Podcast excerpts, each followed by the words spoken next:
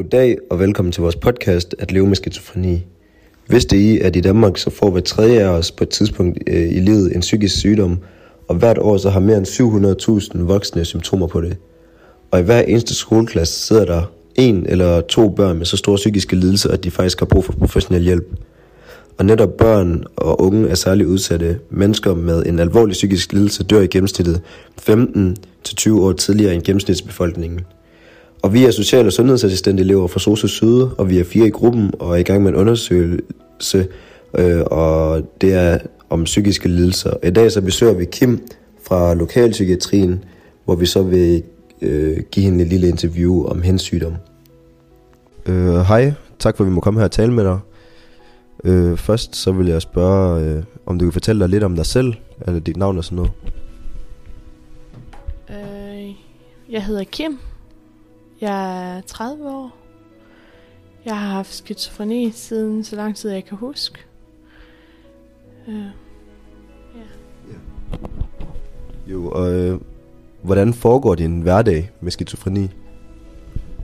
øh, altså, fordi jeg har været så syg og været indlagt næsten 50 gange, så arbejder jeg ikke. Jeg, øh, jeg går meget derhjemme. Tak for det. Øh, øh, har du nogle øh, udfordringer med hensyn til din sygdom? Altså, jeg hører stemmer og ser ting, men efter jeg skifter til mit nye medicin, så er det ikke så slemt længere. Tak. Og hvilken medicin er det, du får? Øh, Jeg får noget, der hedder Zeplion. Øh, og før det, der fik jeg Billefy. Og før det, der fik jeg Olanzapin. Og synes du, du kan mærke, at det gør noget, din medicin? Ja, altså både på godt og skidt. Altså da jeg fik Abilify, der øh, blev jeg meget træt og havde motorisk uro. Men nu når jeg skifter over til Zeppelin, så oplever jeg at mange af mine bivirkninger forsvinde, men mere af de øh, positive ting. Altså sådan, jeg kan øh, mærke, at jeg kan tænke bedre, og jeg hører ikke stemmer, og jeg ser ikke ting længere. Ja, og hvilke bivirkninger har du mærket, og hvad har du gjort for at håndtere dem? De symptomer, jeg har, når jeg har det skidt, det er, at jeg ser ting og, øh, og hører stemmer i mit hoved. Og nogle gange så er jeg i tvivl om, hvad, hvad der er virkelig og hvad der ikke er. Altså mine drømme, de kan føles så virkelige, at øh, jeg er i tvivl om, jeg sover. Så jeg kan godt blive i tvivl om, når jeg vågner, og så får jeg at vide af stemmerne, ej, du skal bare dø, fordi at, øh, så vågner du. Så det er rigtig farligt for mig, når jeg har det skidt. Så jeg får min medicin som depot, så jeg ikke skal tage det hver dag, for ellers får jeg at vide af mine stemmer og det, jeg hører og ser, at det er giftigt. Mm. Øh, men når jeg har det godt, så kan jeg godt tage piller af det, men det er bare, når jeg har det skidt, så kan jeg ikke tage det. Ja. Så Altså, jeg har en, en liste over, hvad jeg har, når det er sådan grønt. Altså, hvor jeg sådan, har det stadigvæk godt, men jeg ved, at jeg begynder at få det skidt. Øh, der begynder jeg at se nogle serier, jeg godt kan lide. Altså, jeg kan godt lide at se kinesiske serier. Øh, fordi så, jeg synes, der er ikke så meget øh, vold og sex og alt sådan noget i det. Det er mere sådan fantasy. Øh, så det kan jeg rigtig godt lide at se. Eller anime, øh, japansk øh, tegnefilm. Det kan jeg også godt lide at se. Så jeg holder mig lidt til det asiatiske. Øh, fordi det gør mig i godt humør. Hvis det kan hjælpe mig, så behøver jeg ikke at tage PN, som betyder sådan per necessary. mm. Øh, som betyder, at hvis jeg har behov for det, så får jeg en- noget quizipin. Mm. Øh, for eksempel, når jeg er i gul, så tager jeg to quizipin. Og så hvis det ikke hjælper, så tager jeg to mere. Og så hvis jeg har det rigtig dårligt, så ringer jeg for eksempel til min øh, kontaktperson, og så beder jeg om at blive indlagt. Ja. Tak for det. Og hvad med økonomien? Hvordan klarer du det? Jeg er førtidspensionist, så jeg klarer det ganske udmærket. Øhm, deltager du i nogle fritidsaktiviteter? Og synes du, det hjælper? Jeg deltager i fritidsaktiviteter nede på værstedet, for eksempel aktiv livsstil, hvor jeg går til svømning. Jeg synes, svømning det hjælper mig meget, fordi at jeg får bevæget mig, og jeg møder nye mennesker. Øh, og så de andre aktiviteter, gåtur, cykling og sådan, og bare blive vejet, blev jeg ved den sundhedsplejerske der. Så hjælper hun mig med at aktivere mig til at tabe mig. Det lyder godt. Øh, Har du eller har du haft noget misbrugsproblemer? Nej, overhovedet ikke. Øh, hvad synes du om den hjælp, du får fra lokalpsykiatrien? Altså, det har været op og ned, men jeg har været tilknyttet lokalpsykiatrien siden jeg 2003. Så det er mange år efterhånden. Det er 20 år. Så jeg, jeg synes overordnet, det er fint. Det er en god hjælp.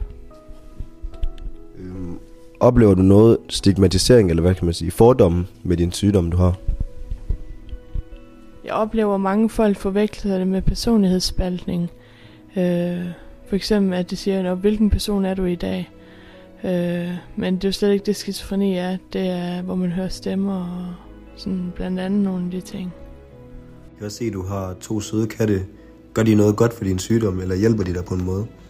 Jeg synes, kattene de hjælper meget, fordi at de altid, når jeg har det dårligt, så kommer de hen til mig og nusser op af mig og spænder, og det beroliger mig meget. Og hvad synes du om det sociale ved værstedet, du er? Trives man godt?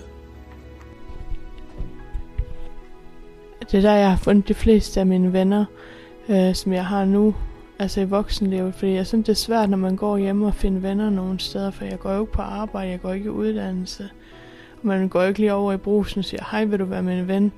Så derfor så synes jeg, at det er meget fint, at øh, man kan bruge værstedet som at finde venner og sådan. Jo, tak. Er du nogensinde, har du nogensinde øh, overvejet eller blevet anbefalet noget flexjob, eller bare gerne ville komme i arbejde selv? En ting, jeg spørger mig selv ofte om, om jeg kunne tænke mig at bare arbejde nogle timer om dagen. Men problemet er, at jeg ved ikke, hvilke dage jeg har det godt, og hvilke dage jeg har det skidt. Så derfor så øh, synes jeg, det er meget svært at beslutte sig for at arbejde, for man kan ikke bare sige, at jeg arbejder de dage, jeg har det godt, hvis jeg har det skidt i en hel måned eller to.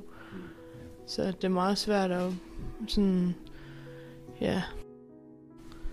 Øh, med hensyn til, hvad jeg gerne vil sådan i livet, altså jeg vil bare gerne have et stille og roligt liv, altså hvor jeg har det fint og stabilt, og hvor jeg ikke bliver indlagt hele tiden. Øh, det synes jeg er vigtigere end at komme ud på arbejdsmarkedet, eller, og det er også vigtigt, at jeg holder mine sociale aktiviteter sammen med folk, jeg kender, så jeg ikke isolerer mig selv. Jo, tak.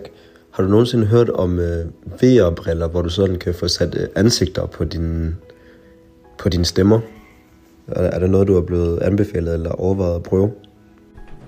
Uh, altså, jeg har hørt om at få der uh, øh, virtual reality uh, briller på, hvor at uh, man ser de stemmer, man uh, og så kan snakke med dem. Men jeg er bare bange for, at de bliver for virkelige, så for mit vedkommende, så det er derfor, jeg ikke vil.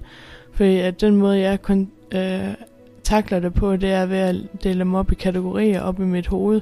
Så når de larmer for meget, så sender jeg dem ind på værelset. Øh, og jeg har sådan om for 10 stemmer cirka. Men så de sidder rundt om et bord, ligesom vi gør nu. Og så, så når de larmer eller synger, eller noget, så sender jeg dem ind på deres værelse. Så er de stille, så kan jeg ikke høre dem.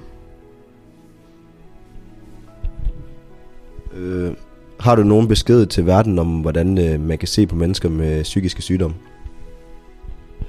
Altså, vi er jo ligesom alle andre. Altså, alle går jo med et eller andet. Altså, jeg tror ikke, der er nogen, der går rundt og er helt fejlfri. Så man er, som man er. Og det var de spørgsmål, vi havde. Mange tak for, at øh, vi måtte komme og interviewe dig, Kim. Du har kommet med en masse gode øh, og spændende viden, og det vil vi tage med os øh, i vores podcast. Og tak for hjælpen. Jeg er glad for at kunne hjælpe jer.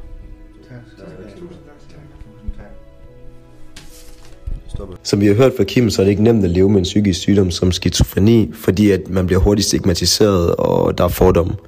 Og de har brug for os. Som Kim hun selv siger, så er de jo ligesom alle os andre mennesker, de har bare en sygdom. Derfor så har de brug for støtte og anerkendelse, og vi vil derfor afslutte vores podcast med et spørgsmål til jer, der så lytter med. Vil I acceptere de psykisk ramte mennesker, som de er, og anerkende dem, eller har I også fordomme for dem og deres sygdomme? Og tak fordi I lyttede med, og vi kommer med et andet interessant emne næste gang på gensyn på vores kanal.